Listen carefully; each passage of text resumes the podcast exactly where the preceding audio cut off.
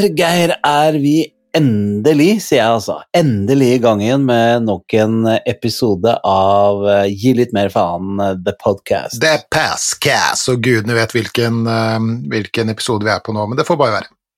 45 eller 46 eller 44 eller noe sånt. Er det noe sånt, ja? Ja, ja. Ja. How is life? Jo da, det rusler Eller jeg skal og korrigere meg selv, eh, fordi det har vi blitt enige om at vi skal ikke holde på med sånn. Så hvordan er livet? Jo, livet er, eh, er helt ok, sånn som man kan eh, håpe at det skal være.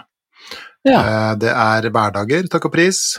Det Mhm. er mm. veldig mye jobb for tida, det vet jeg også at det er på deg, og det er jo også årsaken til at vi nå i en kortere eller lengre periode dessverre må fordele, fordele kreftene våre litt, både mellom eh, jobb, familie og, og podkast og sånt noe, men Mm. av og til så, så glimter vi til og, gir ut en eh, episode eller to eh, da. Og setter det- av dagen, rett og slett. setter av dagen, og det har vi, Mm. har vi gjort eh, nå. Ja. En vakker eh, søndag i februar. Ja, og det er jo kanskje den dagen Ja, kanskje ikke den dagen, men la oss si en, en tirsdag i februar sånn cirka. Det er vel en sånn typisk hverdag. Og hvis den Ja. er sånn helt grei, da tror jeg at man har det sånn helt i gjennomsnitt eh, greit i livet. Ja. Så du opplever at det er tirsdag i dag? Jeg opplever litt at det er eh, tirsdag i dag, ja. Eh, det gjør jeg. For øvrig er det episode 45, fant jeg ut nå, gjennom en liten scroll ja, på Spotify. Nei da, men eh, det er jo også vi, har jo, vi snakker jo litt om strabasiøse ting og sånt nå, og Mm. jeg må jo si at februar er vel kanskje den mest strabasiøse måneden for min del. Um, det er um, det er kaldt, det er et stykke siden, eller en stund siden jul. Um, Mm. det er ikke sånn helt uh, vår ennå, uh, selv ikke her nede på det aller blideste Østlandet.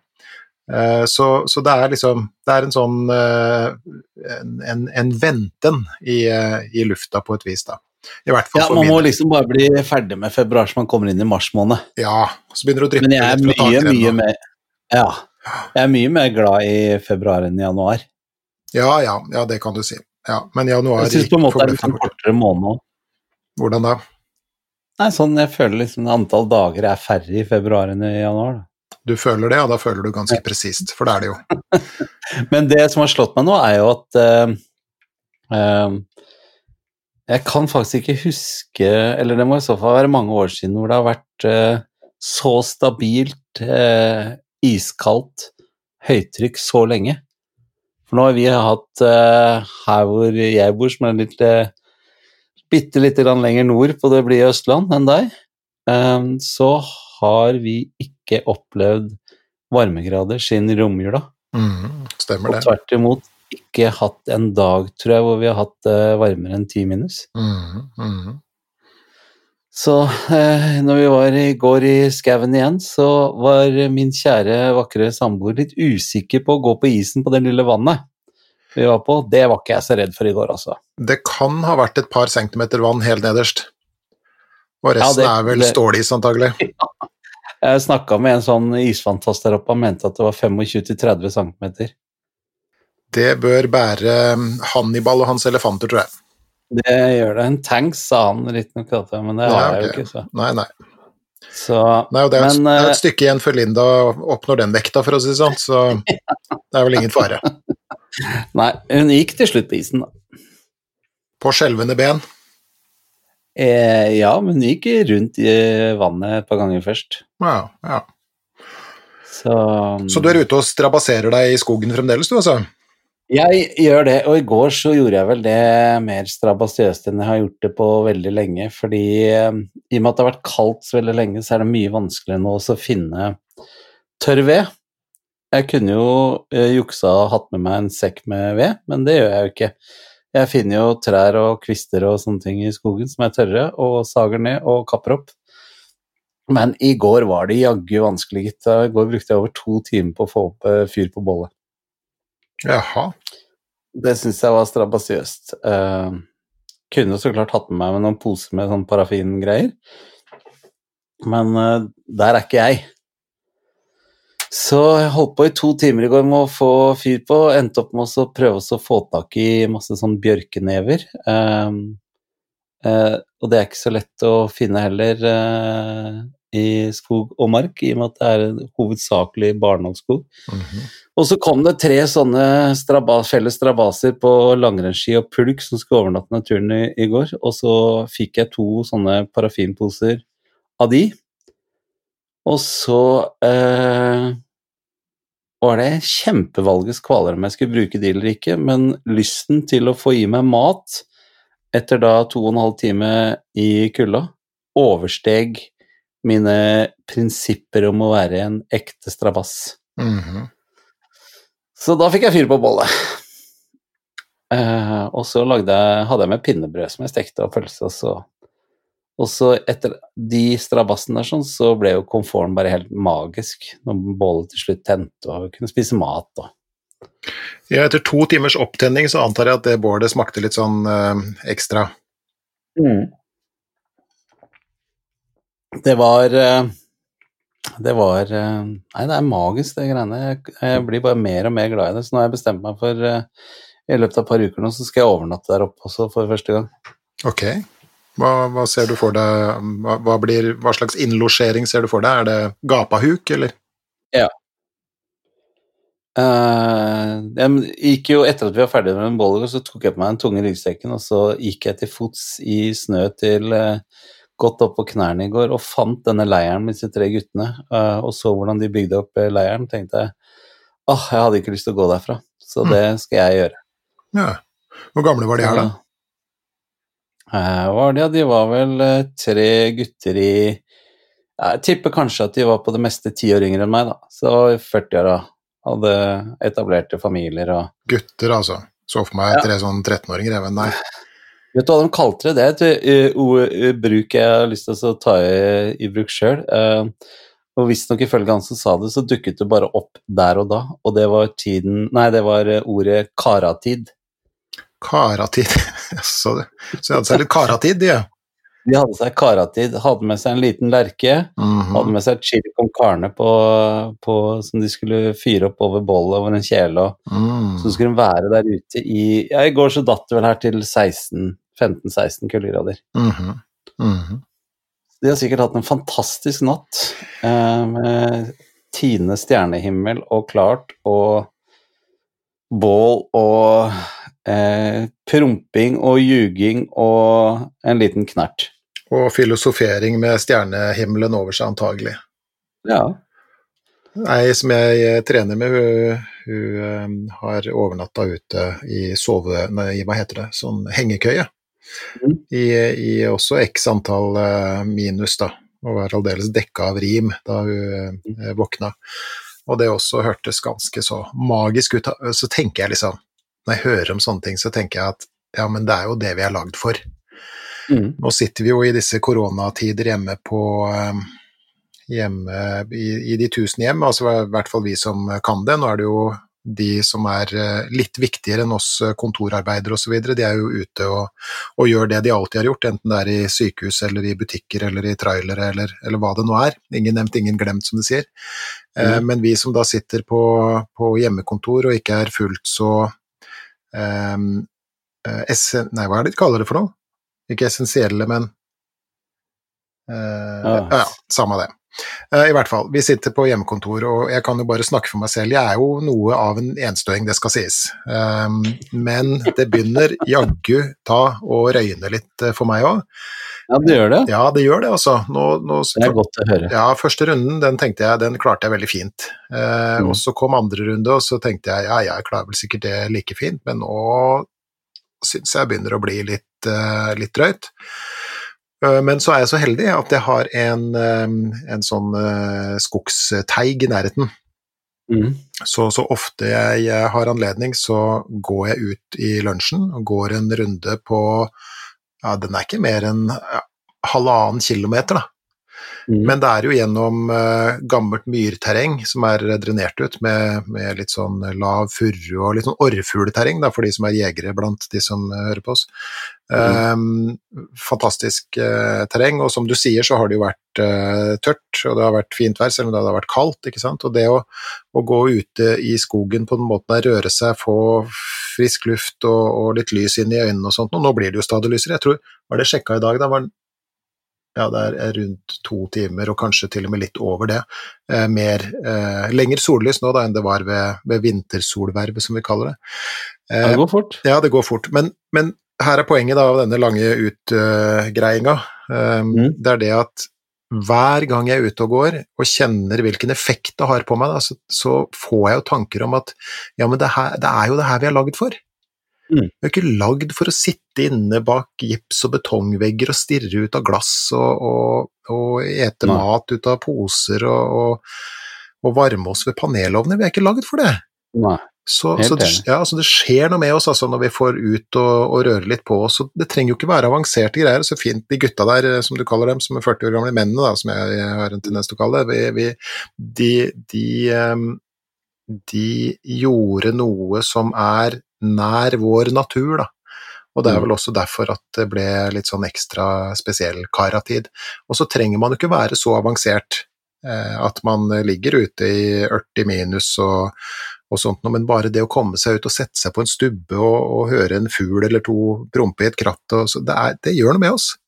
Og mm. det, det håper jeg Jeg håper det blir skikkelig moderne igjen. Vi har jo hatt uh, lange tider hvor vi nordmenn liksom har dratt på oss eh, knikkersen og, og dura inn i, i, skogen og sånt, og så har det liksom dabba litt av. Men jeg vet ikke hva du tenker om det, men jeg syns jo jeg ser en sånn oppsving nå i forbindelse med at vi har måttet, eh, ja, hva skal vi kalle det da, reorientere oss i forbindelse med denne eh, pandemien. Da. Jeg syns jeg ser at, at, det norske folk orienterer seg mer mot, mot naturen sin igjen. Ja, altså det er jo Vi har jo fantastiske skiløyper her i, i Nittedal, så jeg er jo ute Så sant jeg har frivakt, så er jeg ute stort sett hver dag. Eh, men i går så var det jo ja, det var bare 9-10 minus i sola i går, så jeg visste at uh, i går så kunne jeg ikke gå på langrenn, for da er det nesten som å gå i 17. mai-tog. Uh, og det stemte. Det var uh, ikke mulig å, å man, man, går nesten også i kø så det er ikke noe tvil om, og jeg ser også eh, flere og flere legger ut, det er jo blitt en skøyteboom av nordmenn som flyr ute på, på isene med skøyter og staver både på i fjor og innvann. Mm, mm. Så eh, heldigvis, tenker jeg egentlig, når vi først er oppe i den situasjonen, sånn, at vi nordmenn er eh, at vi er nesten sånn fra barnsben av, i hvert fall på søndager så skal man gå søndagsturer, og man skal ut på ski, og man skal på påskeferie, og, så det er ikke så ukjent for oss. Mm. Uh, selv om vi gjør det i mye mindre grad uh, enn vi gjorde i, i type gamle dager, så, mm. så virker det som det er, ikke, det er ikke så lang vei tilbake for de fleste. og du ser jo XXL og alle disse her sportsbutikkene har jo hatt et drømmeår i 2020, for når mm. kjøper friluftsliv av sånne gærninger og kommer seg ut. Mm. Ja, du kan ikke slette ut uh, mange hundre tusen års uh, evolusjonshistorie på, på sånn, et, et lite hundreår. Nei. Og du hører jo, for, Vi har jo snakka om det her før, for så vidt, men det er jo verdt å, å, repetere. altså Dette med at når folk er ute i skogen og tar seg tid til det, og, og kanskje til og med tar med seg en matbit ut, enten man har med seg på termos, eller om man eh, fyrer opp et, et hva heter det, kokeapparat, eller tenner et bål, eller hva man nå gjør, eller en engangsgrill som er populært blant ungdommen, som jeg ser da, ta det med dere hjem igjen ikke la det ligge igjen. Eh, men, men, når man gjør det, så hører du hvordan folk snakker om at maten smaker så godt ute. Eller folk som overnatter ute og, og, og, sier at selv om de kan ha ligget på både tre og fire kongler i løpet av natta og vridd seg litt og sånt, så er det en annen kvalitet over eh, søvnen. Og mm. hvordan også man er litt sånn ekstra trøtt og, og, jeg si, litt sånn eh, eh tung i kroppen på en god måte når man har vært ute og gått i skog og mark eller fjell eller fjære eller hva man nå gjør, da. Eh, mm. Og det er jo fordi at det er det som er eh, våre omgivelser. Det er det vi, kroppene våre er eh, designa for. Eh, så det er ikke så rart at vi, vi, har det forholdet til naturen som vi har, da. Så jeg er, jo, jeg er jo veldig glad for gammel speider og sånn, og, og, og heimevernskar, så jeg er jo skrekkelig glad for å se folk ute i skauen. Kanskje folk som i utgangspunktet ikke hadde tenkt seg ut i skogen, men som nå, pga. den situasjonen som vi er i, da, um, ja. har tatt litt andre valg. Så det syns jeg er veldig kult. Da, og vet du hva, da tenker jeg greit, men da går vi i kø, vi nordmenn. Da gjør vi det. Ja. Og så mm. deler vi på den stien, og så har vi det fint sammen. Veldig blide folk ute. Mm. Altså, det er så mange hei. Og det skal jeg love deg, når jeg treffer de samme folkene på butikken, så er det ikke veldig ofte det er hei. Nei, Men ute i skog og mark, det er Mhm. så gøy å se på, hvor du møter folk. Jeg går jo som sagt veldig mye på ski, da. mm, og det er nesten hei hver eneste skiløper jeg møter. ja. Det er samme observasjonen jeg har gjort, og selv bare på en gangsti på en søndagtu- søndagstur, så er det mer hei nå enn før. Og, og jeg var og gikk tur med Dattera var hjemme en tur eh, eh, fra studier i, i Oslo, og vi var ute og gikk, og, og vi reflekterte litt rundt, litt rundt dette med, med hilsing, eh, særlig under koronaen. Da. Og, og Mm. det jeg tenker er at kanskje er det litt sånn ekstra viktig eh, å hilse på hverandre nå. Fordi at vi er så isolert som vi er, og, og mange er kanskje til og med litt sånn ekstra isolerte. Så jeg, jeg anstrenger meg for å søke blikk og, og gi et hei. For Og det sier mye når du gjør det, altså. ja, det, ja, ja, men det kan du si. Men ja. uh, vel er jeg en enstøing, men, men jeg er jo jeg er, Det er bare menneske du Jeg er ikke slem. Ja, jeg er det. Jeg er, det. Jeg er et menneske, tro det eller ei. Tro det eller ei. Men du, eh, apropos når vi snakker om strabasiøse og komme seg ut i naturen sånn, åssen går det med, med denne treningen din nå i disse tider, da? Jo, det er jo snedig at du skulle spørre om det, da, fordi at når vi snakker om strabasi strabasiøse ting Eh? For en tid tilbake så var det jo eh, Så gikk eh, de som står for styre og stell her i Tønsberg, de gikk jo ut og oppfordra f.eks. alle treningssentre til å stenge for en periode. Ja. Eh, og det var ikke veldig mange som fulgte det, det var bare to, og mitt, eh, min trening, som da er et crossfit-senter, eh, fulgte den oppfordringa. Men, men de stengte jo ikke helt, de, de tilbød da trening ute. Og jeg har aldri eh, løpt og løfta vekter og gjort situps og sånn ute i ti min minus i, eh, i sånn, hva heter det, sånn snøfokk, vet du. Ja, sånn eh, frisk bris og sånn. Det fikk jeg prøve da. Eh, Det var for spesielt interesserte, men på den annen side så var det litt sånn eh, ekstra strabasiøst, og det syns jeg var litt, eh, litt kult, da. Veldig. Og så fikk vi flytte inn igjen, men så er det også sånn at eh, jeg vet ikke, kanskje det er en sånn trend blant sånne crossfit-sentre, men, men eh, jeg tror der vi trener er et sånt gammelt verksted eller et eller annet, og det er altså så bikkjekaldt at jeg tror jeg holder på å daue. Det er ikke engang varmtvann i krana, vet du. Så du står og vasker hendene, ikke sant, for vi må jo være litt sånn ekstra nøye med hygiene og sånt nå. Så står jeg da og vasker hendene i iskaldt vann, og så tenker jeg herregud, er det det her jeg betaler for? Men så kommer jeg på at ja, men det her er jo bra for meg. Du Mm. tåler da for svarte å, å, å fryse litt og, og stå og vaske hendene i kaldt vann. Ja. Ikke stå der og være sånn en uh, fisefin Så da tenker jeg nei, det er strabasiøs trening. Der Ja. uh, trener jeg Ok, hør nå. Ok, så det, Nå prater jeg meg litt bort, men, men jeg, jeg trener også sammen med noen italienere, og, og en av dem eh, altså, Alle er veldig hyggelige eh, folk, og, men en av dem heter, han heter Vittorio, han er eh, ingeniør og, og jobber på jernbanen her i gamle Vestfold og sånt, og han hadde litt sånn ekstra poser eh, under øynene, eh, og det var da i januar, da, som du sier, Mm. Og det var eh, iskaldt ute og snø og det ene med tredje, og, så sa han nei, men det her er, det her er, eh, det er tøft for en italiener, sa helt fra sør i Italia, ikke sant, og, og faktisk ikke så langt fra Crotone, vet du, vi har snakka om Milo fra Crotone Mm. flere ganger, eh, i hvert fall, men i hvert fall han, han, eh, han klagde sin nød da over den norske vinteren og så videre, og, så, og, og da fikk jeg anledning til å være litt sånn eh, nesten litt sånn eh, life coachete, vet du, så sier jeg du, vi trener jo og vi får træler inn i hendene og forhåpentligvis litt grann muskler på kroppen også, men, sa jeg, så pekte jeg ut da, dette får du træler på sjelen av. Og det syntes han var litt eh, ålreit å høre. Da våkna han litt til og syntes at det var greit, da. Så det er jo en måte å se det på, mener jeg. Sånn, og Ja, også i den strabasiøse eh, ånden. At Mm. eh, det er ikke sikkert at vi har veldig vondt av å fryse litt og, og streve litt og, og sånt noe. Det kan gi oss noen træler på sjelen som vi kan ha bruk for litt seinere. Ja, det kommer jeg faktisk litt tilbake til i dag med det temaet jeg har tenkt at vi skulle snakke om. Eh, Men det har jo vi sagt før også, så det er jo derfor vi omfavner det strabasiøse også. er jo nettopp de tingene som du sier nå. Mhm. Ja, for kan jeg få lov til å bikke litt inn mot temaet, eller? Ja, ja, kjør på, du. ja, fordi at det er jo litt spesielt, for du ringte meg og, og sa at, eh, at du hadde et ønske om å snakke om et eh, bestemt eh, tema. Ja. Eh, og eh, det er som du sier, det er veldig sånn i, i ånd av det vi akkurat har, har snakka om, da. Mm. Eh, jeg eh, Hvis jeg kan få lov til å fortelle hva det handler om, så ringer da eh, Tommy Steine til meg og har lest eh, en eh, bok av en eh, kar som har vært død i mange år, som heter Marcus Aurelius. Mm. eh, som er en, var en gammel romersk keiser og en stoisk filosof.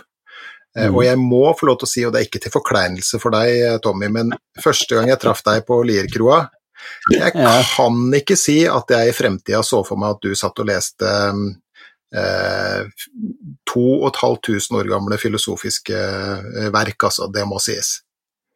Nei, det er eh, Det er like overraskende for meg som det er for deg. ja, det er det. Hvordan i huleste kom du på det her, da?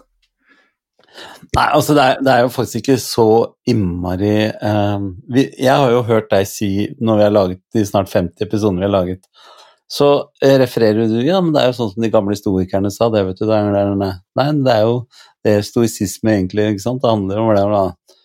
Og så har jeg sittet og jatta med deg, og sånn ja, ja, det er det jo. Det stemmer, det. Uh, uten egentlig helt vite hva det er. Eh, og så tenkte jeg uh, i mitt stille sinn um, Jeg har jo enkelte dager hvor jeg føler mer uro i kroppen enn andre dager. Mhm.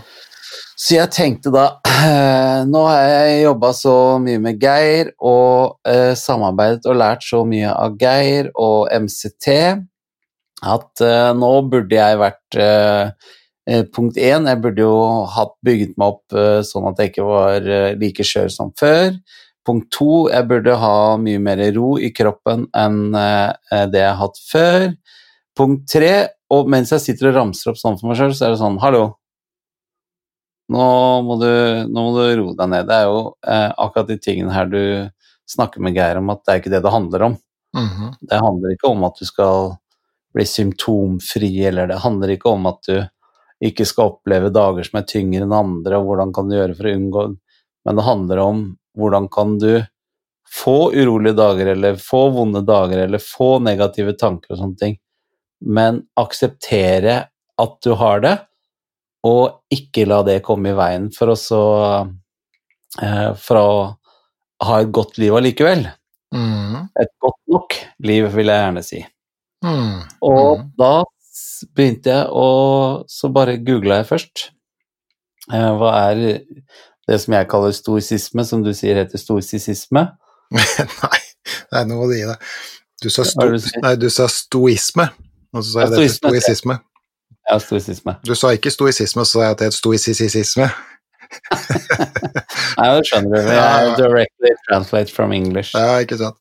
Eh, og så da uh, poppa det opp mye forskjellig, og så begynte jeg å lese, og da var uh, Marcus Arelius en av de eh, første eh, jeg begynte å lese om, eh, og blei litt hekta. Og så ringte jeg til deg, og så fortalte jeg det. Mhm. Um, og det er um, For det første syns jeg det er jo, som jeg sa til deg, eh, jo mer og mer jeg leser om de tingene der sånn, desto mer ser jeg liksom eh, fellestrekk bak eh, filosofi, uh, religion, psykologi um, enn det jeg har skjønt før, da. Mm. Ja, det er jo et Um, betydelig overlapp der. Ja. Eh, og, og så eh, Sjokk nummer to er jo at de tingene disse her satt og snakka om i Ja, altså, stoikerne var vel eh, Det var vel eh, ja, rundt eh, eh, Ja, det, som du sier, rundt 2000 år siden. Mm. Og så er det bare så utrolig akkurat det samme som gjelder i dag. Ja, det er jo Det var vel folk, det òg, antagelig. Og, og mennesket har jo, ja, fra første gang vi ble selvbevisste, så, så har, vi vel, har vi vel strevd med å finne ut av hvem er vi, og hvor skal vi, og, og hvordan, hvordan, hvordan foretar vi den reisen da, på en måte som livet er, på en så eh, god måte som mulig. Og så kan man selvfølgelig eh, diskutere hva er god, da.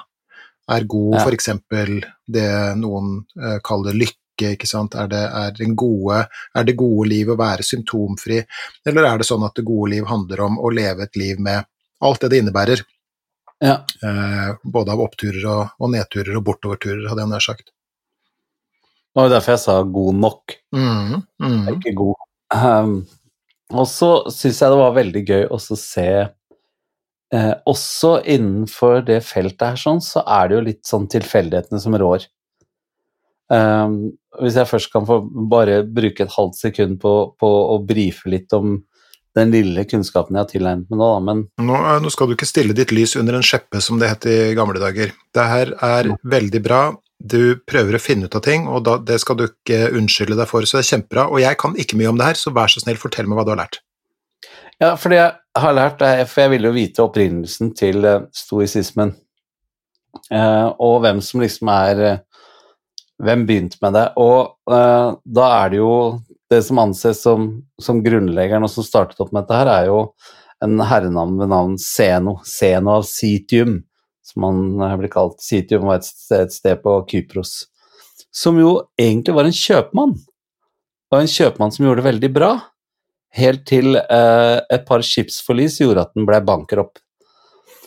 Eh, han reiste da til Aten og bestemte seg for at han hadde ikke noe å gjøre, så han eh, gikk inn på en eh, en bokhandler eh, og skulle finne seg noen bøker å lese for å se om det er noe han kan gjøre med livet, noen han ikke kan være kjøpmann lenger. Og da kom han, den første boken han leste, da var det um, oh, Excuse me my language, for å si det sånn.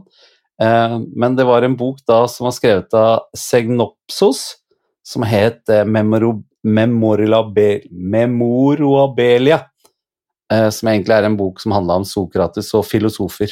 Hm. Og det som var gøy, var at han blei så hekta på dette, så han spør han bokholderen du, disse filosofene, hvor treffer jeg de igjen? Er det noen jeg kan oppsøke? Og da pekte han bokhandleren bare ut av butikken og sa han, du kan bare stoppe en av de. For den gangen i Aten så var det nesten sånn at filosofene gikk jo bare rundt på gatene, og det var jo veldig mange av de. eh, så eh, eh, han eh, gikk da i lære hos eh, Å, nå fant jeg, jeg glemte hva det navnet hans var.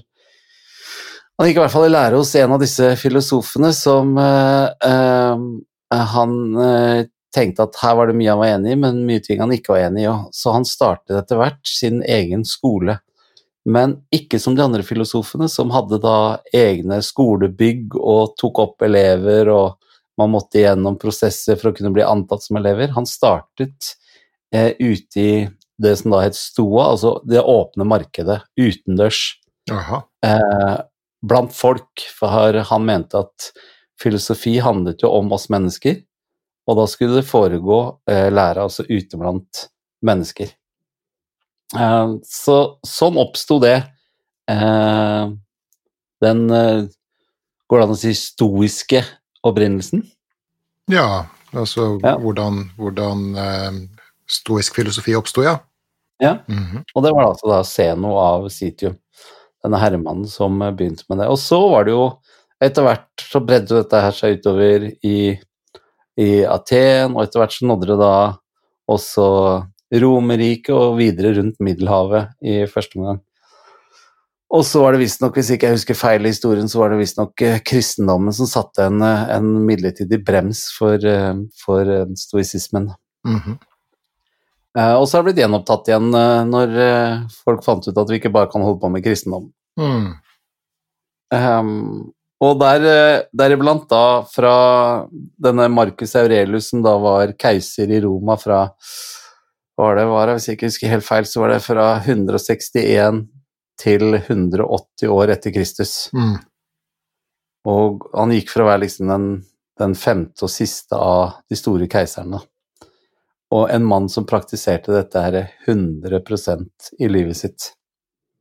Og også skrev da disse herre som etter hvert eh, har blitt kalt meditasjonene, altså hans på en måte dagbøker, som egentlig aldri var ment som å gi ut eller å, å gi til andre, men det var hans livsførsel. Og det er de jeg har lest, da, som jeg syns har vært så bra.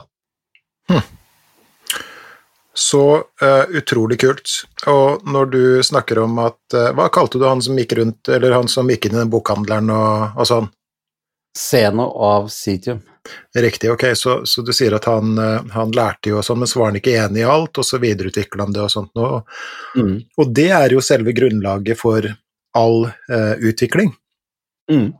Og det er litt sånn som du sier at du eller som du hinter om, da, som jeg antar at du skal komme tilbake til, altså hvordan man kan trekke de store linjene fra helt fra, altså fra Romerriket, da, 2000 år mm. siden f.eks., eller tilbake til det gamle Hellas 2500 år siden, um, og, og, inn i våre dager og inn i det som vi er uh, opptatt av.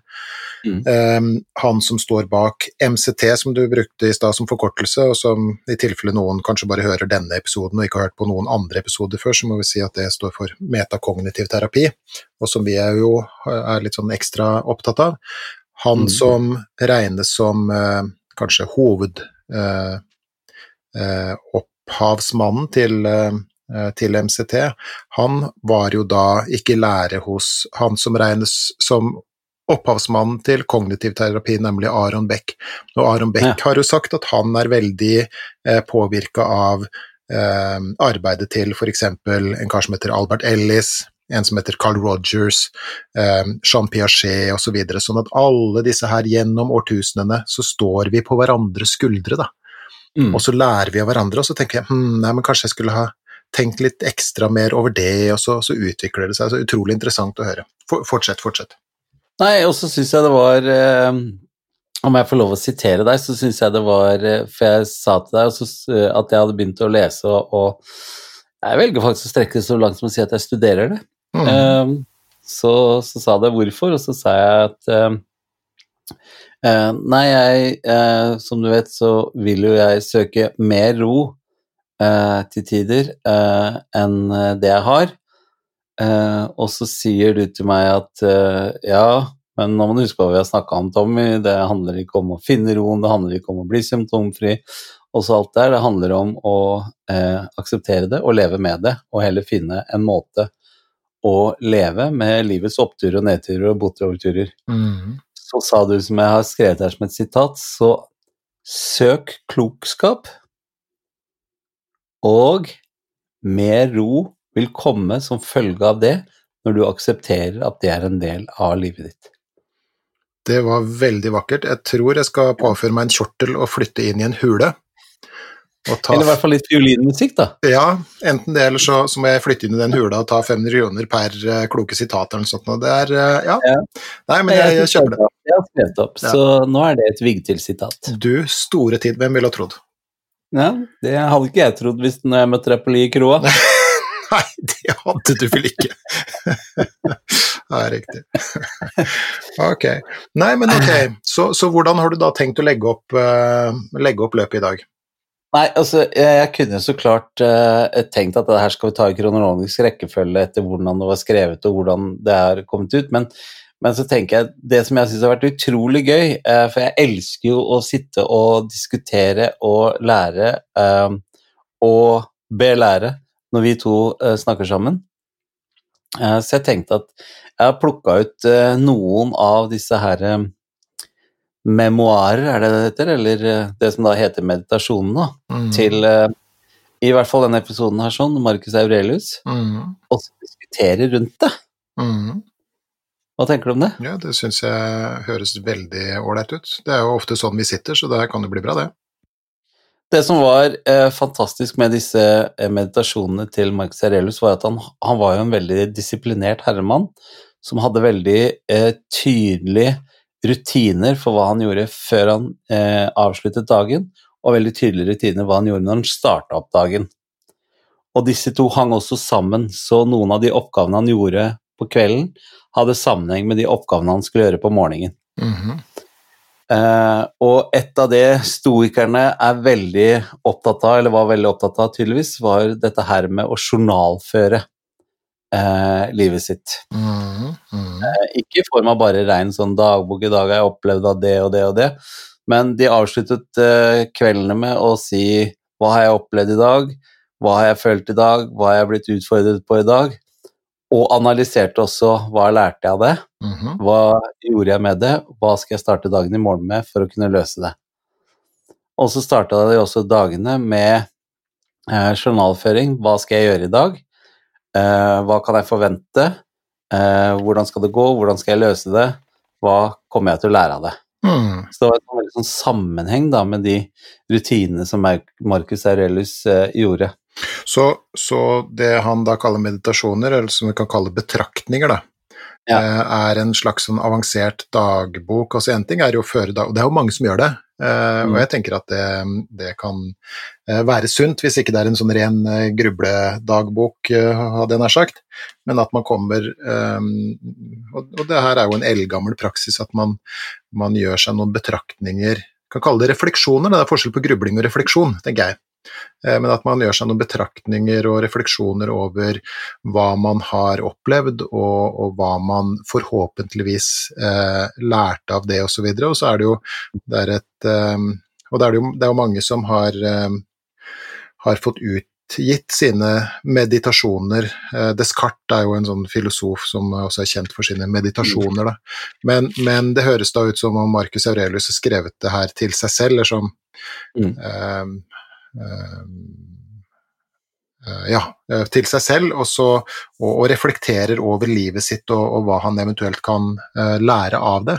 Og så har Mm. jammen meg vi uh, vært så heldige at vi har fått lov til å få innblikk i det, og det er jo ganske kult. Ja, veldig kult. Så jeg gleder meg til å høre hva han uh, for 2000 år siden har tenkt om, om livet og det å leve et liv. Og de sa jo også, Storkern sa også at det er ikke nødvendigvis bare det at man, altså hva man skriver i de journalene, men også selve prosessen mente de var viktig. At man gjorde det. Mhm. Fordi at ved å uh, føre disse journalene, så ble de mer bevisste på sine handlinger og bevisste på sine planer også. Så det var også selve prinsippet med at man skulle skrive de journalene, eller dagbok, eller hva vi ønsker å kalle det, Mhm. som var vel så viktig som selve journalen. Mm. Ja, det kan jo i beste fall eh, spore en til innsats og til, eh, og til, til videre ferd, hadde jeg nær sagt. Jeg har lyst til å prøve det. Ja, ok. Mm. Jeg har lyst til å prøve å finne meg en rutine hvor jeg liksom setter opp noen punkter på kvelden og noen punkter på morgenen eh, om hva som har skjedd og skal skje. Mhm. Mhm. Så det er, eh, det er faktisk eh, den eh, fjerde meditasjonen av hans eh, fem daglige morgenrutiner var det å skrive journal. Eh, Så, han, så han skrev det om, om morgenen? han skrev både journal om morgenen og om kvelden. Du verden. Du verden. Om kvelden så var det for å oppsummere hva som hadde skjedd av de planene som var planlagt, hva han hadde opplevd, hva han hadde følt. Og om morgenen så var det hva som skulle skje. Du, store alpakka, han var eh, en kar med, med sans for eh, Hva heter det? Orden og planlegging. Ja, og så var han litt sånn annerledes, eh, det jeg har lest om historiene rundt ham. Han var jo litt sånn atypisk eh, keiser på mange måter også. Eh, For under hans tid som keiser i Roma, så ble det også rammet av en Og apropos i dag, en, en pandemi. Jaha. som tok livet av veldig mange mennesker. Jeg tror det var en sånn som at det var rundt fem millioner mennesker som døde i- Roma under hans keisertid. Jøss. Ah, eller i Romerriket, det var kanskje ikke bare i Roma, men i Romerriket. Eh, og de rike og de lærde de flyktet fra Roma for å ikke bli smitta, Mm. men han nektet å forlate folket sitt, eh, og eh, blei igjen og skulle ta den kampen og bevare dagliglivet til tross for den pandemien, på lik linje med de andre innbyggerne i Roma. Hm. Så en herremann, altså. Ja, det får du si han var, hadde visse prinsipper, med andre ord. Mm. Og det som var deilig, er at mange av de prinsippene han hadde, sånn som eh, Jeg har lyst til å trekke fram som en av de første eh, tingene jeg nevner, en av de prinsippene han hadde om, om kvelden. Eh, jeg mener å huske at det var um, hans um, nummer fem, tror jeg, fire eller fem, spiller egentlig ingen rolle. Det var eh, ta vare på familien, prioritere tid med familien. Så selv om han var en stor hærfører, var i mange kriger, var, eh, var jo datidens kjendis eh, og var jo, hadde jo ekstremt mange utfordringer, så viket han aldri fra å prioritere tid med familie, og da spesielt barna sine. Men er dette Han- en av de prinsippene du snakker om? Ja, det var en av prinsippene hans på kvelden. En av kveldsrutinene hans var at han skulle ha tid med, med sin kone og barna sine. For han, eh, han levde under prinsippet at hva om dette er siste gangen jeg tekker teppet rundt barnet mitt? Det er ingen av oss som har noen garanti for at vi våkner opp i morgen, verken jeg eller eh, barnet. Så han levde etter det at uh, han uh, skulle Det var det viktigste for han i livet, var familien hans. Mm. Så det skulle han forberede. Det syns jeg er utrolig fint. da, og sånn som vi lever i det moderne, stressa samfunnet vi er i dag nå, så er vi kanskje ikke av, mange av oss som til tider har dårlig samvittighet for at vi ikke prioriterer familien nok. Eh, I hvert fall så gjelder det meg. Mm -hmm. Så jeg har brukt eh, mye av de siste Ja, når Tommy 2.0 ble til i 2016-2017, og sånne ting, så har jeg vært mye flinkere til å prioritere familie enn karriere og penger. Mhm. Og det visste han allerede da. Men han var også veldig eh, takknemlig når vi snakker om dette er sånn som du sa i stad, det her med å akseptere oppturer og nedturer og bortoverturer, så var han også eh, For stoikerne var jo veldig Hva er det de sa for noe? De, de så på livet Jeg har skrevet meg noen notater her, sånn, skjønner du. Eh, de var veldig opptatt av å se på eh, Se verden som det den er, istedenfor eh, hvordan det ideelle samfunnet var. Altså, de var veldig realistisk orienterte da, eh, på livet. Okay. Så han, var, så han var veldig takknemlig. Så ja, det første han gjorde hver morgen når han sto opp og våkna, det var at Og han sto alltid veldig, veldig tidlig opp, så han eh, sto som regel opp før soloppgang. Mhm. For han skulle ha mest mulig ut av de tilmålte dagene han hadde på jorda. Og han mente at søvn bare var eh, for å, å få eh, nødvendig hvile, ikke eh, noe man skulle misbruke og forstyrre dagene med. Mm. Så han sto opp alltid veldig tidlig og gjorde disse morgenrutinene sine før han liksom startet dagen hver eneste dag. Så han satt og skrev journalene sine før noen andre var våkne. Eh, han gikk gjennom de rutineanalysene sine før de andre våknet, så han starta alltid dagen veldig, veldig tidlig. Mhm. Og han startet dagen med å være takknemlig for hvilke privilegier det var å være i live, puste, tenke, oppleve og elske, som han sa. Så det høres med andre ord ut som en ganske sånn bevisst eh, herre, det her, da. Ja, jeg opplever at han, han var det, og han sa en ting som jeg syns som virkelig tok ordentlig tak i meg, og det var at han så hver eneste dag som en mulighet til å forbedre seg sjøl. Mm. Ja, ok, så, så kan, kan jeg liksom si ting Ja, ut fra ja, Ok, fordi at eh, ja, en ting er jo dette med å prioritere eh, familie og sånt nå, og det er jo en det er jo, det er jo et verdivalg, tenker jeg. Mm. Eh, fordi at man kan jo pri eh, prioritere var, jeg, jeg hørte en gang et Og gudene veit, du vet jo åssen jeg er med sitater og sånt, jeg husker jo sjelden hvem som har sagt det, og så husker jeg bare at det har blitt sagt, og en av de sånn kloke tingene som jeg har hørt, da, det var at um, at det er forskjell mellom indre og ytre karriere, og du må, du må i det store og hele velge en av dem. Så er det kanskje lettere å velge det hvis du er romersk keiser, hva vet jeg da, men i hvert fall. ehm, eh, ytre karriere er jo type ehm, at verdiene dine ligger i litt mer sånn eh, monetære ting, da. Og status og jobb og stilling og lønn og, og også, jeg vet ikke, i verste fall hytte på Tjøme og seilbåt og gudene veit hva du har og ikke har.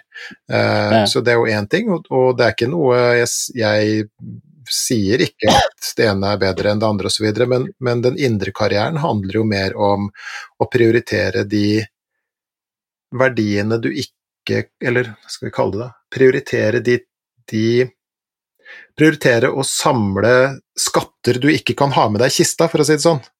Mm. Mens ja, altså vikingene, vet du, ikke sant, det var jo Ja, det var jo Det er jo noen tusen år siden, eller par altså rundt tusen år siden det òg, da. Mm. Eh, Håvamål, altså den høyes tale, Odins eh, tale, der står, det er jo litt sånn leveregler for uh, vikinger. altså Hvis du gjør det her, så vil det være ganske lurt, på en måte. Mm. Og, og i Håvamål så står det at, at alle skal dø. Mm. Både, både fe og frender skal dø. Men det er én ting som aldri dør, og det er ordet etter det. Altså det, det ryktet du vil ha på deg, en ting er jo altså ditt uh, samfunnsmessige rykte er jo én ting, men, men ryktet etter deg i familien og i venneflokken og i, i hva skal vi si, det nære samfunnet, da. Mm. Eh, det var jo en annen eh, komiker, en kollega av deg, som jeg leste et intervju med, eh, for, og det er en god, god, stund tilbake. og Han hadde et, et, motto som jeg tenker er litt sånn eh, litt i den leia der, for han sa eh, det, ikke, det, er, det, finnes ikke lommer i likskjorta. Eh, men, men hva skal vi si, ditt gode navn, det vil mm. leve lenge etter at den seilbåten er hogd opp og den hytta er solgt videre og den stillingen er nedlagt for lenge siden, for det er ikke sånn arbeidslivet er lenger. Skjønner du hva jeg mener? Så jeg mm. støtter jo veldig det. Og så til dette med søvn, da. Og jeg vet ikke hva du tenker om det, men, og det her er antagelig noe med økende alder å gjøre også, men, men jeg blir mer og mer bevisst på det, kjenner jeg, fordi at en tredjedel av livet tilbringer vi eh, under dyna. Mm. Ikke sant? La oss si at du blir 90 år, da. Så grovt sett så har du tilbrakt eh, 30 år i, en, mm. i bevisstløs tilstand. I en helt annen verden.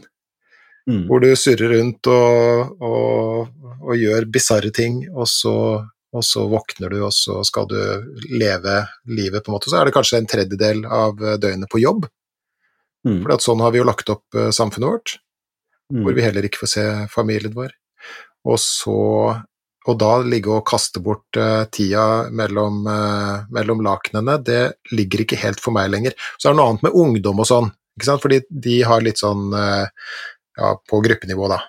Så, mm. så, har de litt mer behov for søvn enn det voksne har, osv. Men, men, men det er noe med å jeg får mer og mer oppfatninga av at søvn Og du skal ha den søvnen du må ha, selvfølgelig, så det er ikke det jeg sier, at du skal ofre søvnen, eh, søvnen, din på noen måte, men, men, det å liksom bare bli liggende og, og, og krampesove, på en måte, mm. det ligger ikke helt for meg lenger, altså.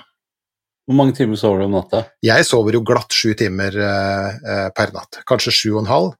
Og for meg så er det Jeg hørte jo en fantastisk Den kan vi legge ut en link på. Jeg hørte den aller beste søvnpodkasten jeg har hørt noen gang. Og han eh, Jeg tror det var en lege som drev og snakka der om søvn, og han sammenligna søvn med det å spise. Mm. Eh, og det her er superforenkla, og det er veldig verdt å lytte til den eh, episoden der, altså, som vi da legger ut eh, link på. Men, men han sammen, sammenligna søvn med mat, eh, og han, hans påstand da, er at søvnplager ofte handler om at folk stresser med søvn, mer enn det handler om søvnplagene per se, eller altså i seg, ja. ikke sant. Eh, og måten han snakka, snakka om søvnvansker på, da gjorde at jeg ble veldig mye Jeg har ikke hatt noe plager med det først, det er ikke noe med det, men, men det gjorde at jeg ble enda mer sånn avslappa med tanke på min søvn. For at hvis jeg nå da skulle våkne og ha, etter å ha sovet la oss si fem og en halv time, da, så mm. hadde jeg en tendens før til å tenke sånn ah, nei, det er for lite, for det sier ekspertene, og nei, nå må jeg prøve å sove igjen og sånt nå. Og nå tenker jeg mer sånn nei, men da er jeg på en måte mett på søvn i dag. Ja. Så da er det greit, liksom. Og så stresser jeg ikke mer med det, ikke sant. Men, mm. men, det å få Og det er mulig at det er et, eh, et aldersfenomen, det her, så det tar jeg, eh, tar jeg høyde for. Men det å Den bevisstheten om at tida vår er tilmålt Vi mm. skal alle forlate eh, denne virkeligheten, ikke sant? Mm. Skal jeg virkelig eh, kaste bort disse timene på å prøve å krampaktig sove videre?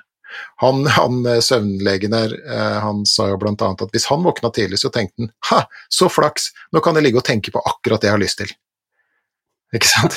Det er, det er, en god innstilling, tenker jeg. Og det er jo innstilling mye av det vi snakker om også, da. Så, Ikke hvordan du har det, men hvordan du tar det. Ja, det er noe med det. Det er noe med hvordan mm. du fortolker eh, virkeligheten din og det som skjer da, og ikke nødvendigvis eh, hva som utgjør virkeligheten din, og hva det er som faktisk, eh, faktisk skjer der.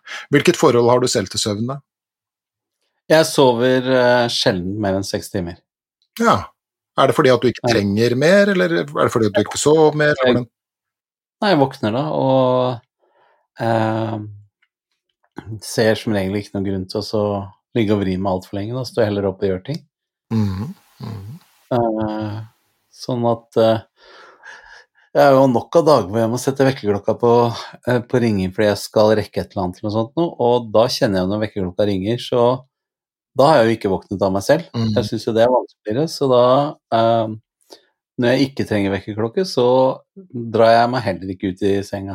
Mm. Det, med det sagt så kan det godt tenkes at jeg ikke spretter opp av senga ut i skauen og sånne ting, Mm. men at jeg setter meg opp i senga Det er ting jeg tenker på som jeg fører ned eller sånt. Jeg ikke nødvendigvis Jeg kan ligge i senga en time og bare kose meg med gjøremål og planlegge og, og sånt noe. Men jeg ligger ikke og så vrir meg Nei, guri, jeg må sove litt mer, jeg må sove litt mer. Så det er jo seks timer virker som er ideelt for meg. Guri, ja. Det er en stund siden jeg har hørt det uttrykket. Ja, ok. Ja. Men, eh, men, eh, ok, så Men det at du nå har lest tankene til eh, en for lengst avdød romersk keiser om dette med søvn, da, har det endra Mm. noe, eller tror du at det er det samme for deg? Men det har bare bekrefta de tingene jeg sa, med ett unntak, og det er at jeg har faktisk lyst til å eh, stå opp enda tidligere. Det betyr jo så klart at jeg må legge meg tidligere, men eh, jeg har lyst til å stå opp enda tidligere. Mhm. hva, hva skal du gjøre med den tida, da? Gjøre, gjøre de, de tingene, som jeg sa, begynne å føre journal, f.eks. Skrive ned tanker og følelser og betraktninger og opplevelser jeg har hatt.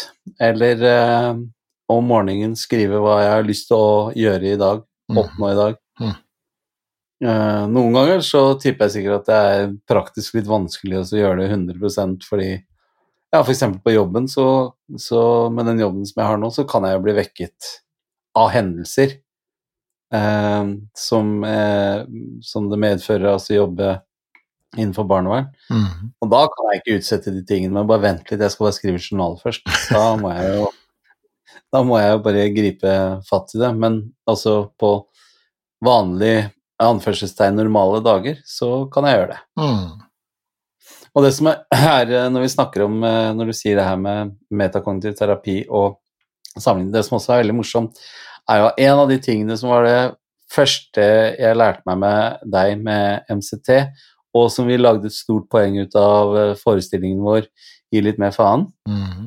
Som vi forhåpentligvis skal få spille flere av en gang i framtiden. Det håper jeg inderlig. Det var jo et sitat som, eh, eh, som jeg husker eh, du hadde med i boka, og det er Nå husker jeg ikke ordrett, men det var noe med ikke bruke opp all energien din på å prøve å kontrollere det som ikke lar seg kontrollere. Mm. Eh, som i det tilfellet her så mener vi at eh, prøve å kontrollere at du får tanker. For det Mhm. lar seg rett og slett ikke kontrollere. Men de tankene som du får, de bestemmer du fullt og helt over hvor mye oppmerksomhet du ønsker å vie. Mm. Og hvis du går til de gamle sto stoikerne der også, sånn som eh, Epiktetus, var det vel riktig uttale navnet hans, mm. en av de snakket om eh, For kontroll er jo en av grunnpilarene til, til stoikerne. Mm. Det var at han sa noen ting har du makt over, andre ting har du ikke makt over. Mm. Og de listet opp de tingene du har makt over, er um, meninger, motivasjon, um, desire, hva kan man skrive det? Begjær. Eh, Begjær. Mm. Uh, så, altså det som du selv gjør, det hadde du kontroll over, mens det du ikke hadde kontroll over, det var kroppen din, eiendommene dine og uh, ryktet ditt. Mhm. Mhm. Og da var det sånn Her, rykte, det ordet som du nevnte fra, fra Havamål, f.eks., det kan jo jeg kontrollere. Du kan gjøre det du aller beste du kan for at det ryktet skal være bra, mm. men hvorvidt det blir eller ikke, er ikke, opp, er ikke under din kontroll. Mm. Okay, Og det er så gøy. Det er akkurat de samme tingene som du eh, har lært meg innenfor MCT.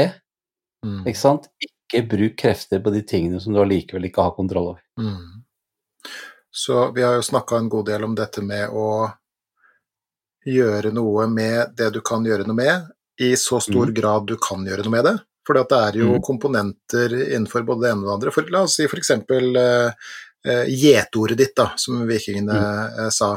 Du kan jo gjøre ditt for å, at det skal kunne bli så godt som mulig, på en måte.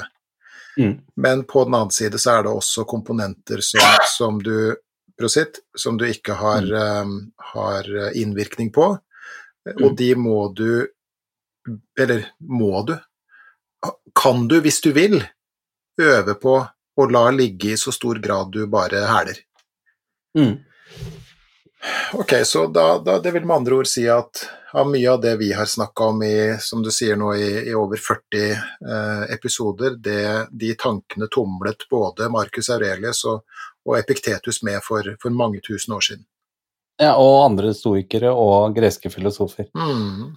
De brukte eksempler på den eh, Jeg husker det så godt, for jeg synes det var et veldig godt eksempel. Det eksempelet de brukte, var det å skyte en pil perfekt.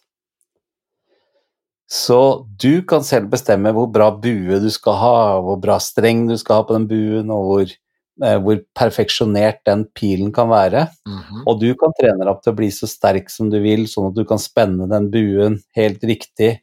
Eh, ha, trene opp pusten din sånn at du puster rolig. Sånn at eh, du spenner opp og slipper med pila til riktig tid. Eh, pusten er rolig.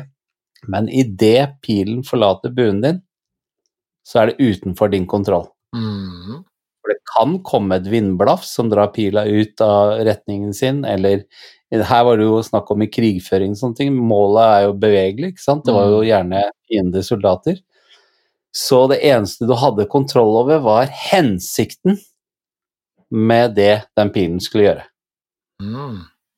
Og mer enn det kunne du ikke forlange av deg selv. Mm. Så, så, så i hodet mitt da, så, så blir det noe i retning av at eh, når du har gjort det du kan gjøre, og du har gjort det så godt du kan, så må du slippe tak i resten, på en måte. Mm. Ha. Det er et godt bilde. Ja, jeg syns det var et uh, veldig godt bilde. Og så har jeg lyst til å ta opp et punkt til som jeg har lyst til å diskutere med deg, altså når vi har snakka om uh, de likhetene mellom de to ting. Og det er også um, Når jeg leser om de tingene der, sånne ting, så stopper jeg opp meg sjøl og sier ja, men det, det kan jo ikke stemme, det er jo ikke riktig. Som for eksempel um, Aurelius sin eh, lov nummer to, eller punkt nummer to, eller hva du ønsker å kalle det, om, om morgenritualet. Mm. Og det var at han, eh, han var veldig forberedt på Han var veldig opptatt av å forberede seg på det negative. Mm. Så han tenkte at i dag så kommer jeg til å møte mennesker som ljuger. I dag så kommer jeg til å møte mennesker som prøver å svindle meg. I dag så kommer jeg til å møte mennesker som ikke har en god hensikt overfor meg. Mhm. Eh, så han var veldig opptatt av å være uh, Ja, altså han visualis Negativ visualisering, tror jeg de kalte det. Mm. Og da tenker jeg hæ, vi er jo trent opp til å ha positiv visualisering og se for deg de bra tingene som kan skje, og så jeg syns det var så rart. Jeg syns det var veldig pessimistisk, da. Mm. Men når jeg leste mer om det, så er det jo igjen tilbake. For det eh, Aurelius mente, var jo at eh, du ikke skulle bekymre deg, men du skulle forberede deg på negative eh, opplevelser og hendelser, slik at du kunne forberede deg. Mm. Sånn at du var forberedt på det. Mm. Eh, og da lagde jeg meg et eksempel som illustrerer dette bra, syns jeg. La oss si at du ser for deg at huset ditt brenner ned. Herregud, da mister jeg alle bildene vi har av familien, jeg har masse viktige papirer i, i huset, jeg oppbevarer en del cash. Da vil jeg jo miste alt det. Mm. Ved å tenke det, så tenker du nei, da, jeg må jo få lagra, kopiert de bildene der og lagre det på en sky, eller i, i gamle dager så var det å putte ting i en bankboks. Mm. Uh, og når du hadde gjort det, eh, gjort de forberedelsene med å så kopiere alle bildene på en sky, eller alle viktige papirer lagra på et annet sted eller et trygt sted, så slapp du det. Mm.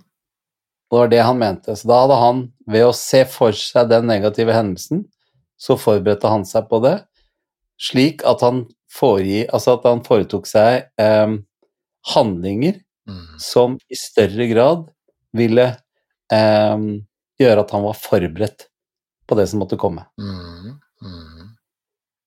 Og det er jo det du har sagt hele tiden til, til meg, Geir. Det er stor forskjell på å bekymre seg og forberede seg. Mm.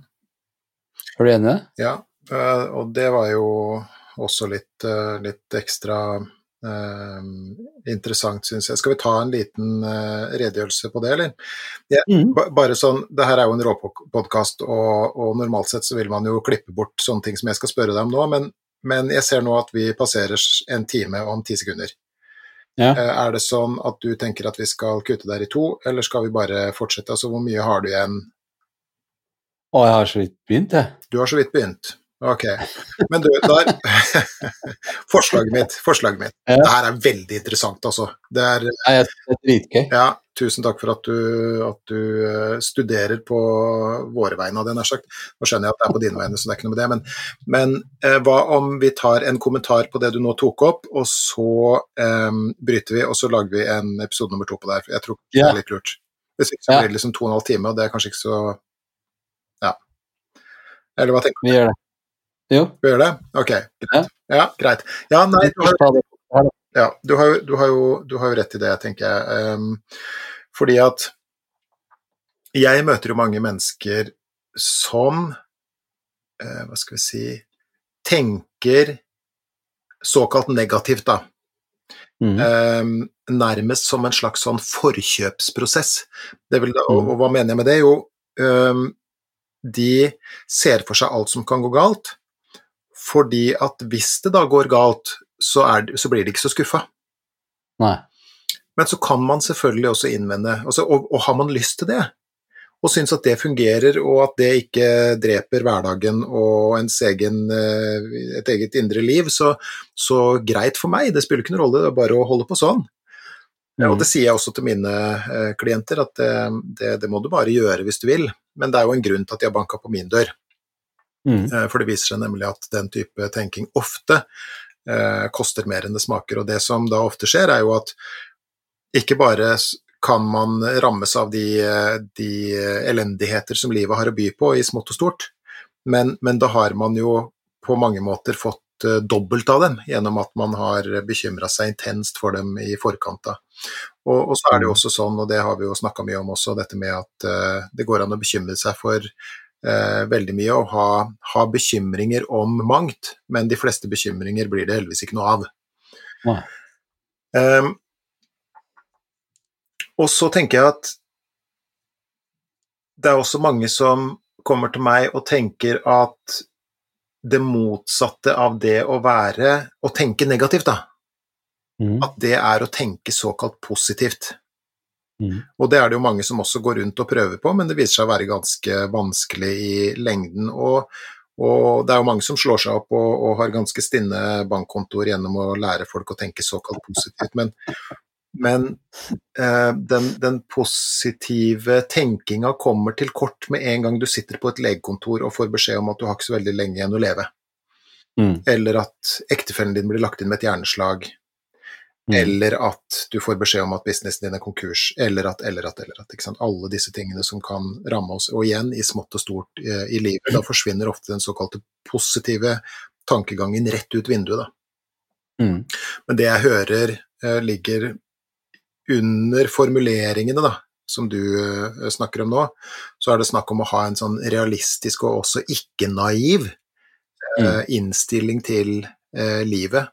Og jeg tenker at det er nemlig forskjell på Og det, det er jo det som mange som jeg møter, ikke har fått anledning til å reflektere over ennå, men som vi reflekterer over eh, i møte mellom oss, da. Eh, og som du og jeg også har brukt eh, tid på å finne ut av osv. Mm. Men det er det at det er forskjell på det å, å ha bekymringstanker, ikke sant?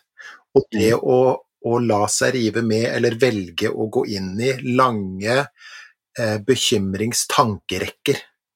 Mm. Fordi at sistnevnte vil jo gjøre at vi låses i en sånn vedvarende angstprega opplevelse av at livet og tilværelsen eh, er, er, eh, holder på å rase sammen over huet på oss.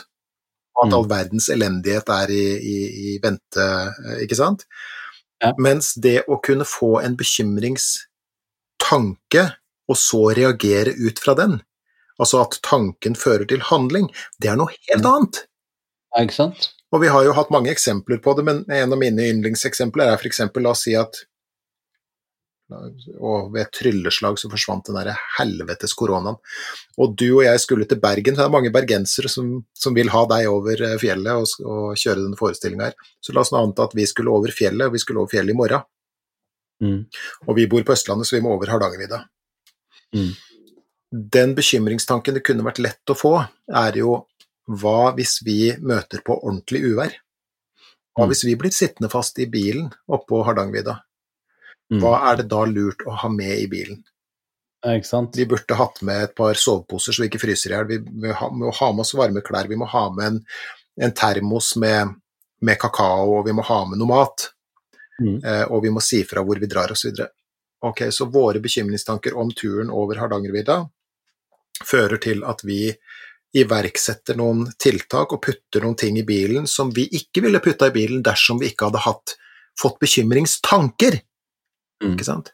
Mens vi, hvis vi i ukevis skulle sitte og bekymre oss og sett for oss at vi ble sittende fast på Hardangervidda, og Geir Viktil og Tommy Steine ble funnet som som mumifiserte lik utpå vårparten, ikke sant, og, og, og sett for oss all elendigheten det ville medført blant vår familie osv., så, så, så er det noe helt annet. Så igjen så, så um, og det her er- har vi jo snakka om mye før, og jeg har tenkt den tanken veldig ofte også, så høres det jo ut som at i bunnen også av denne ganske sånn moderne psykologiske tilnærminga som eh, MCT, eller metakognitiv eh, terapi, representerer, så ligger det eldgammelt eh, tankegods, og det er litt sånn kult å høre, da. Ja, altså, det er, når du snakker om det med Hardangervidda, så slår det meg også um, at uh, det å være forberedt, da, Mhm. noen ganger kan være veldig lurt. Eh, Jeg som er så privilegert at jeg av og til kan sette meg bak eh, spakene på et lite fly og fly litt rundt i Norge, så er det der er det jo nedfelt eh, som regler og lov eh, enkelte tiltak. Sånn at hvis du skal fly, eh, fly f.eks. over vann, så har du ikke lov å gjøre det uten å ha med deg nødutstyr som tilsier at du måtte nødlande i vannet.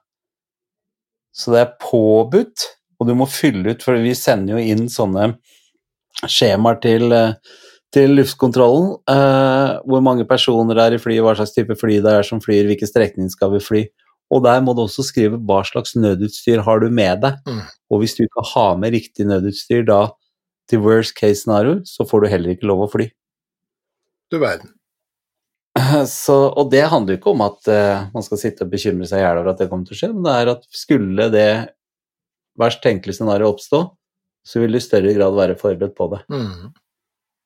Så det mener disse historikerne at det handler om, om forberedelse, da, ikke bekymringen rundt det. det Nei, jeg bare syns det, det er så utrolig kult å lese ting som er så gammelt, og så er det allikevel akkurat det samme som gjelder i dag. Mm, mm. Utrolig fascinerende.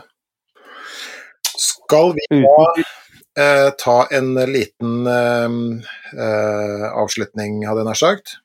Ja, det syns jeg vi skal gjøre også, men eh, da, vi må lage en episode til også, for det, det som er tankene rundt der sånn, er jo også at uh, når jeg har lest opp de fem punktene som jeg vil diskutere med deg, mm. så er det jo også hva de tankene har følt, har ført eller hva de punktene har ført til av, av og har å si for meg i dagliglivet, da. Mm. Mm. Uh, om, det, om jeg har oppnådd de tingene som jeg søkte etter når jeg begynte å lese det. Ja. Det gleder jeg meg veldig til å høre mer om. Så da runder vi av i dag, Geir. Eh, men før vi gjør det, så eh, Du har jo fortalt meg at eh, eh, Og du sender det videre til meg, så jeg vet jo at eh, det er jo veldig, veldig mange som sender oss tilbakemeldinger Mm. som betyr mye for oss.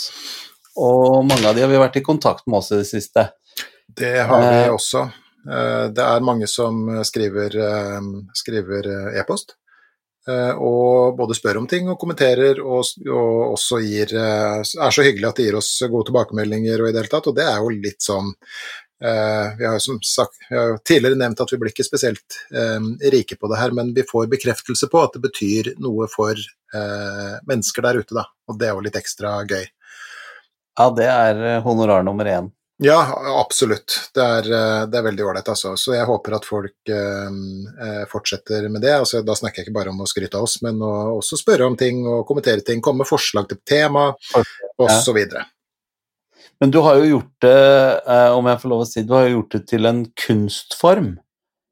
Og eh, fortelle folk hvordan de kan sende eh, såkalt moderne e-post elektrisk post mm. til oss.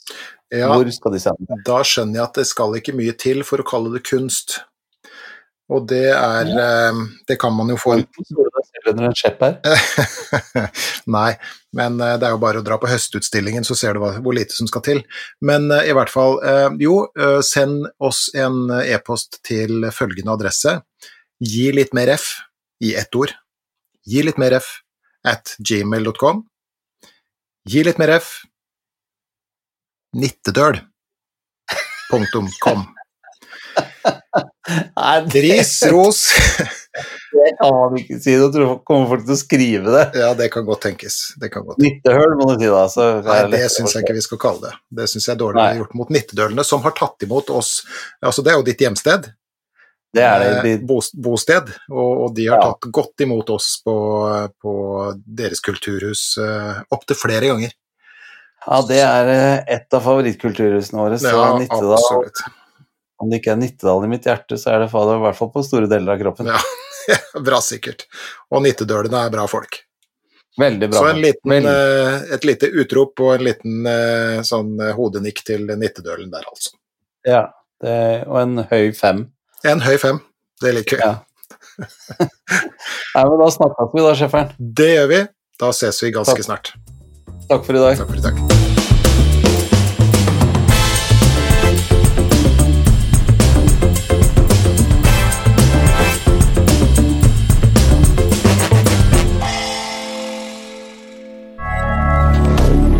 moderne media.